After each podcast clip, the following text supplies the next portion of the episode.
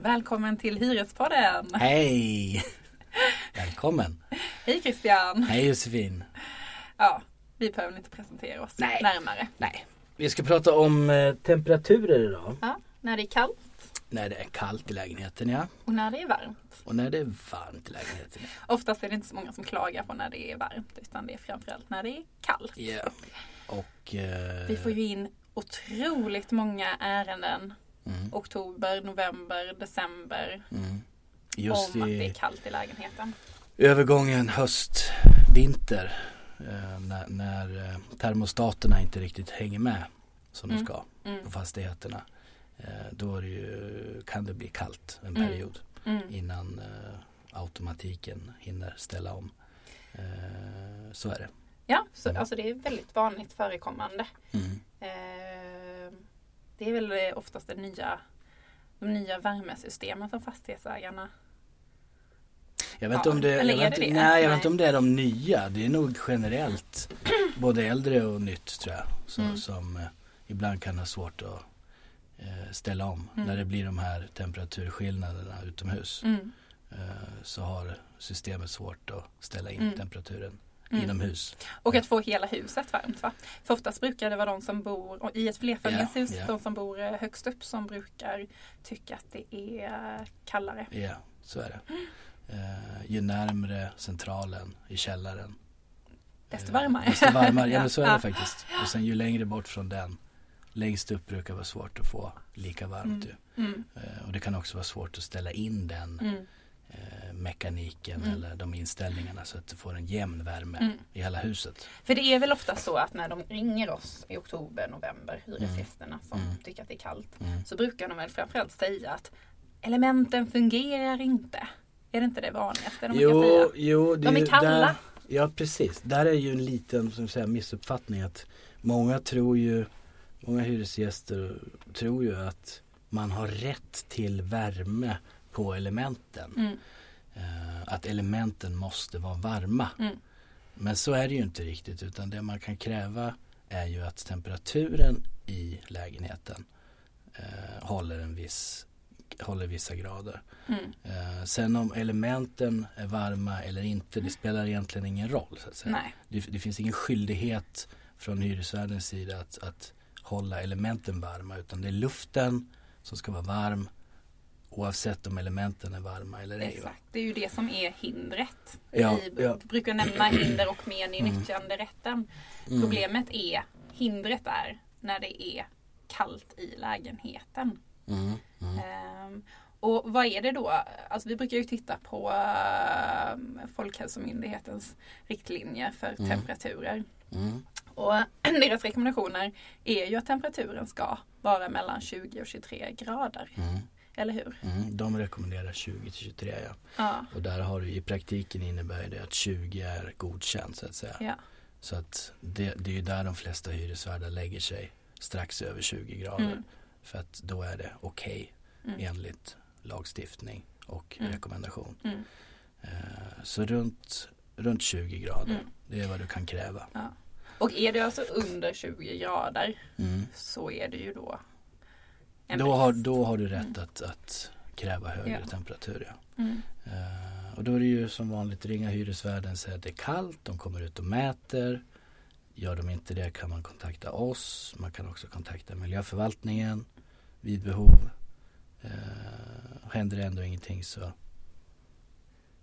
vad gör man då? vad gör man då? Ja, Nej. är det, nej men saken är eh, miljöförvaltningen, vi brukar ju hänvisa framförallt till miljöförvaltningen eftersom de kan ju göra indikationsmätningar och Mm. eh, skulle det visa sig att det då ligger under den temperaturen som de anser är Mm. liksom okej, Mm.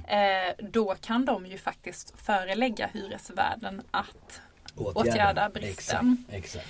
ehm, Det brukar ju sällan Ja. gå så långt va? Ja, det kan man nej. säga. De flesta hyresvärdar sköter ju det där. ja, Sen kan det finnas tillfälliga, det, det kan ju hända att det är något fel på värmecentralen. Mm. Pannan kan ha gått sönder och då blir det någon vecka kanske innan, innan Mm. allt är åtgärdat. och vad kan man då få för kompensation? Då kan du få hyresnedsättning för den perioden. Mm. Om, det är en, om det är en längre period, Mm. alltså mer än några dagar, uppåt en vecka, två veckor någonstans. Och temperaturen har varit ska man säga, några grader under de här 20 Mm. eller mer. Mm. Eh, då har du rätt till hyresnedsättning under Mm. den perioden som problemet eller bristen har funnits. Och då är det också viktigt att då ha bevisning Mm. att eh, man har haft det kallt i lägenheten. Mm. Eh, det är oftast där som det brister. Mm. Ehm, och då är det viktigt som sagt att man har en ordentlig mätning. Att man för anteckningar Mm. eh, gällande temperaturen. eh, Skriftlig felanmälan. skriftlig felanmälan. Mm. ehm, för att just liksom kunna bevisa att man har Mm. haft kallt i lägenheten. Mm. Det är ju svårt det här med, det är ju många som Just att bevisa en temperatur kan ju vara ganska svårt va? För att man har en, en termometer hemma. Mm. Men hur bevisar du? Är den ett bevis? Det är många som tar kort på den Ja. och skickar in. Ja, men då brukar ju Och- och- hyresvärden säga att du har stoppat den i kylskåpet. Ja, eller du har lagt den på, ja precis. Eller har, Balkongen, du har haft fönstret. fönstret, fönstret öppet. Ja, det är ju Ja. det, därför är det så otroligt viktigt att man kopplar in miljöförvaltningen eller miljökontoret som det Mm. heter i vissa kommuner. Mm. Så att de kan just göra en indikationsmätning. Mm, mm, Eh, och även då, eh, för, för det, är, det har ju betydelse. mm, Det är ju en objektiv bevisning Mm. kan man väl säga. mm. Ja men någon Eh, utifrån mm. som kommer Mm. konstaterar så här ser det ut. Mm. Och man får det på papper. Det är viktigt ju. Och speciellt då i de fallen där det är en längre period. De gör ju ingenting för någon kortare störning. Nej. Det har jag svårt att tänka mig. Nej, exakt. Och, och samma sak gäller när man har varmt i lägenheten. Har man då över 26 grader eh, vintertid så, Mm. så bör man också kontakta miljöförvaltningen. Mm. Eh, Och då har du också rätt till nedsättning. ja, Fast åt andra hållet så att säga. åt andra hållet. Ja. Inte Vad menar kallt, du? Inte för kallt men för varmt. Exakt. Ja. Och även på somrarna kan det ju vara. Ja, då är det över 28 grader. Ja, och det ska Ja. också vara en längre Ja, en period. tillfällig värmebölja ger tyvärr inte någon nedsättning. Nej. Nej. Och vad är tillfällig då? Ja, det är lite oklart. Mm. Någon vecka eller två.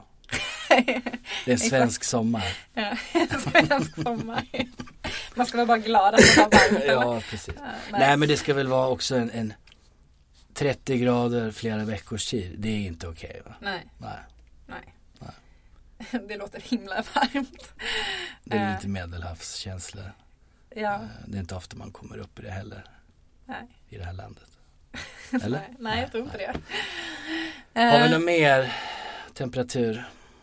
20 grader. mm, som sagt, jätteviktigt att göra en skriftlig felanmälan. Mm. Oerhört viktigt att dokumentera Mm. eh, bristen, det vill säga se till att få en ordentlig mätning. Mm. Och, Vart mäter man? Det är många som frågar. Vart ska jag mäta någonstans då? Är det liksom där man har som kallast? I, i det dragiga fönstret?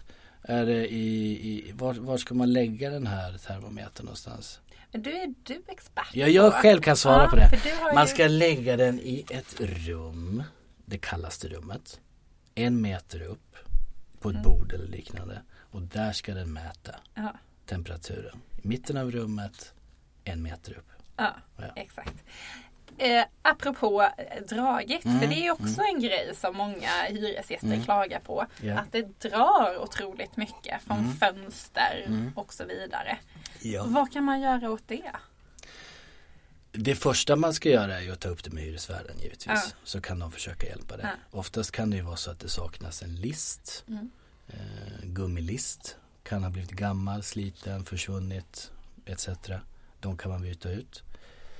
Eller kan det vara så att fönstret i sin helhet behöver åtgärdas Mm. på något sätt eller bytas. Eh, och samma sak där att får man ingen hjälp vänd er till oss eller vänd er till miljöförvaltningen. Mm. Och där kan ju de också mäta draget Mm. vid behov enligt de regler som finns kring det. Mm. Sen så eh, har jag ju pratat med miljöförvaltningen några gånger angående drag och det, Mm. det krävs ju ganska ordentligt Mm. mycket drag för att Mm. de ska anse att det är ett, ett problem enligt miljöbalkens eh, regler.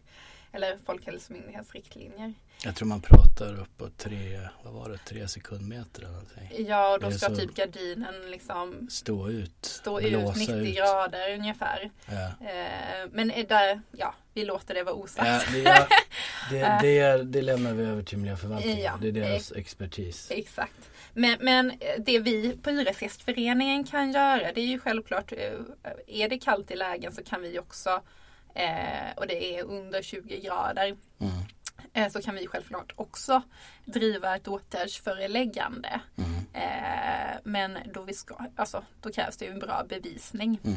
Eh, och eh, sedan kan vi alltid hjälpa eh, våra medlemmar med att begära nedsättning av hyra. Mm. I efterhand. Mm. Man kan väl säga det också att de här, den här typen av ärenden brukar väl lösas ganska fort. Ja, För åtgärd, åtgärdsföreläggande i hyresnämnden, bara väntetiden tills man kommer dit mm, är ju flera månader Mm. normalt sett. Ja. Mm. Och då brukar ju den här typen av ärende vara löst. mm. ja oftast ja. Ja. Mm. Ja, Mm. några slutord. Nej, jag är glad. Tack för idag. Tack för idag. Hej då. Hej då.